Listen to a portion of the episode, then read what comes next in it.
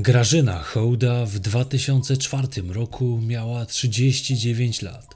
Kobieta mieszkała w Krakowie z dwoma synami, 17-letnim Mateuszem i 4 lata od niego starszym Michałem. Handlowała pamiątkami w okolicach Starego Rynku w Krakowie. Kobieta zmagała się z chorobą psychiczną, a dokładniej cierpiała na schizofrenię. 16 lipca 2004 roku był to piątek. Grażyna wyszła około godziny 10 na plac targowy. Miała tam zrobić niewielkie zakupy. W tym czasie Mateusz spał w swoim pokoju po całonocnej imprezie. Nie wiedział nawet, kiedy jego mama wyszła. Zazwyczaj jechała na zakupy na rowerze. Tym razem go nie zabrała, co było dla niej bardzo nietypowe. O wyjściu wiedział natomiast Michał. Matka powiedziała, że idzie na stoisko na galę po majtki, a także na swoje stoisko po pieniądze. Powiedziała, że w ciągu godziny wróci z powrotem. Razem z 21-letnim synem w tym czasie w mieszkaniu była także jego partnerka, Katarzyna. Wówczas była ona jeszcze niepełnoletnia. Miała jedynie 17 lat, tak samo jak brat Michała, Mateusz. Czas mijał, a Grażyna nie wracała. Zupełnie jakby zapadła się pod ziemię. Było to niepokojące, zwłaszcza mając na względzie problemy psychiczne kobiety. Bez leków jej stan szybko mógł się pogorszyć. Bliscy, nie potrafiąc ustalić, gdzie kobieta się znajduje, zawiadomili policję o jej zaginięciu. W akcję zaangażowała się również Fundacja Itaka. Podano taki rysopis kobiety. Wzrost 168 cm, oczy zielone, znaki szczególne, mała blizna po zastrzykach na lewej nodze. Przeprowadzono wiele akcji poszukiwawczych. Kobieta zazwyczaj chodziła tą samą trasą. Nie znaleziono jednak nikogo, kto by 16 lipca widział ją idącą w kierunku Starego Rynku. Sprawdzono, czy nie ma jej w pobliskich szpitalach lub innych instytucjach, do których mogła trafić zaginiona kobieta. Nikt ze znajomych też nie wiedział, gdzie może znajdować się Grażyna. Przeczesano tereny w okolicach fortu przy kopcu Kościuszki. Niestety bez skutku. Poszukiwania nie przyniosły żadnego efektu. Aktywnie pomagać w poszukiwaniach starał się starszy syn, Michał. Młodszy trafił wówczas za kratki za rozbój. Dwa tygodnie po zaginięciu Grażyny, przypadkowy przechodzień znajduje zwłoki kobiety w pobliżu fortu świętego Benedykta w Krakowie. To kilkaset metrów od mieszkania, w którym mieszkała i ostatnio widziana była Grażyna Hołda. Co ciekawe, jest to miejsce, w którym pięć lat wcześniej, czyli w roku 1999, znalezione zostało ciało brata Grażyny, a wuja mężczyzn, którzy zostali bez rodziców. Mężczyzna miał wówczas spaść z ponad 20-metrowej skarpy, będąc wtedy pod wpływem alkoholu. Przez policję tamta sprawa została uznana jako wypadek, w którym nie brały udziału osoby trzecie. Ciało kobiety było w fazie głębokiego rozkładu. Było także zmasakrowane. Nie zidentyfikowano, do kogo należało.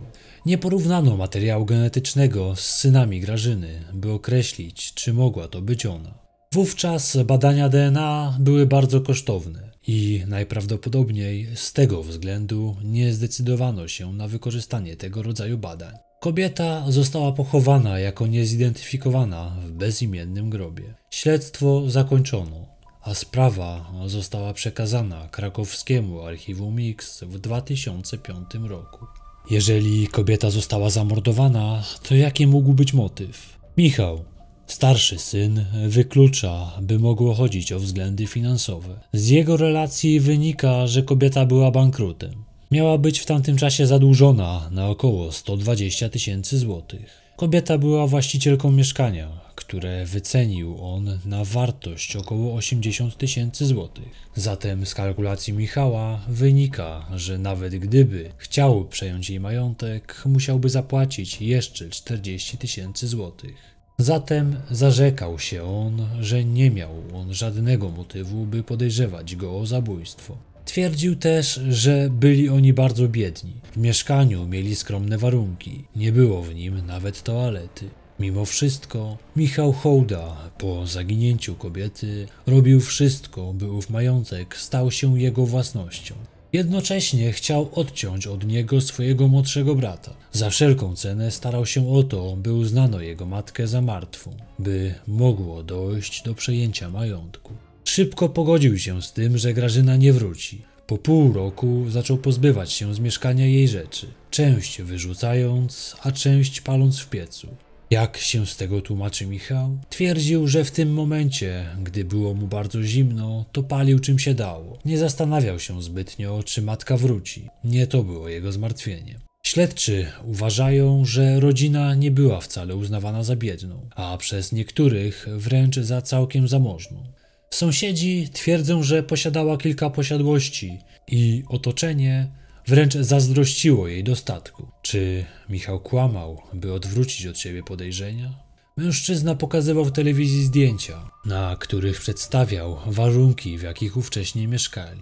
Wynika z nich, że w domu właściwie nic nie było. Taka była bieda. Co ciekawe, mężczyzna niecałe dwa lata po zaginięciu matki popełnił przestępstwo. Został osadzony za napad rabunkowy na starszą kobietę. W trakcie pobytu za kratami miał być przesłuchiwany przez funkcjonariuszy z archiwum X w sprawie śmierci jego matki. Jak sam twierdzi, śledczy poczuli, że będą mogli wykorzystać jego karalność do przypisania mu uprowadzenia i zamordowania własnej matki. Jednak także i młodszy z braci był karany. Zaraz po zaginięciu matki dokonał rozboju, za co został skazany. Michałowi Hołdzie zarzuca się, że miał przewieźć matkę samochodem z mieszkania w okolice fortu świętego Benedykta i tam miał rzucić ją ze skarpy. Mężczyzna zapiera się, że w owym czasie nie miał nawet samochodu, przy pomocy którego mógłby matkę przewieźć. Nie miał też prawa jazdy. Śledczy są jednak innego zdania. Faktycznie, prawa jazdy nie miał, ale świadkowie twierdzą, że jeździł mimo wszystko samochodem pożyczonym od znajomego. Zdaniem Mateusza, kilka tygodni po zaginięciu matki, auto zniknęło i brat nigdy więcej nim nie jeździł. W 2015 roku postanowiono sprawdzić kod DNA należący do znalezionych dwa tygodnie po zaginięciu Grażyny zwłok kobiety które spadły z wysokiej skarpy, a nie udało się ich zidentyfikować. Tutaj chyba nikogo nie zaskoczę. Okazało się, że ciało to należało do Grażyny Hołdy, co można było ustalić wiele lat wcześniej. Dokonano ekshumacji ciała. W jej wyniku szybko ustalono, że jej śmierć nie była wynikiem wypadku, a celowego działania osób trzecich. Biegli określili, że kobieta nie żyła w momencie, gdy jej ciało spadło ze skarpy. Najprawdopodobniej zginęła od obrażeń zadanych w głowę przy pomocy tempo krawędzistego narzędzia, jakim mógł być chociażby młotek. Co ciekawe, biegłym na samej podstawie ułożenia ciała udało się ustalić, że kobieta nie leżała w sposób naturalny, jak osoba, która skacze bądź spada z takiej właśnie skarpy. Jej zwłoki zostały zatem zrzucone. Jak jednak udowodnić winę w takiej sprawie po upłynięciu ponad dekady? Nie udało się odnaleźć narzędzia zbrodni. W tym czasie mogło zostać zniszczone albo być na drugim końcu świata. Przed śledczymi z archiwum Mix stało trudne zadanie.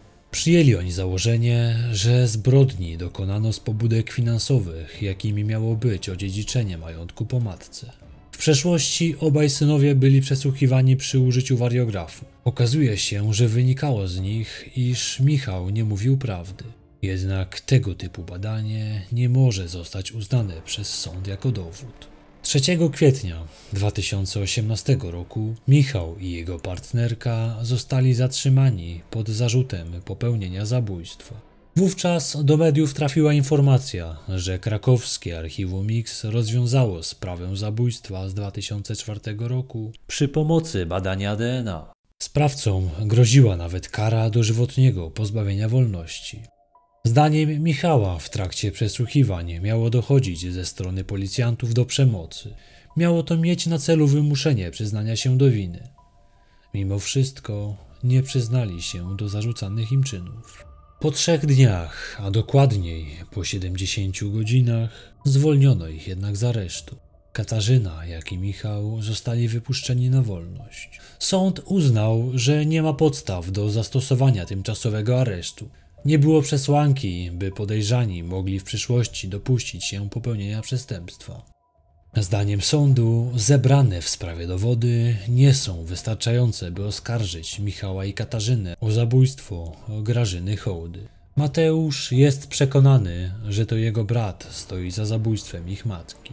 Wystąpił on zarówno w programie Interwencja, jak i Uwaga, gdzie opowiadał o swoich odczuciach względem zachowania jego brata tuż po zaginięciu matki. Mateusz przez lata odwiedzał grób swojej matki, nawet gdy ta była pochowana jako osoba nieznana. Zgoła inne podejście miał starszy syn, który przez lata ani razu nie pojawił się nad jej grobem. Oficjalny pogrzeb odbył się dopiero w 2015 roku, gdy kobieta została uznana za zmarłą.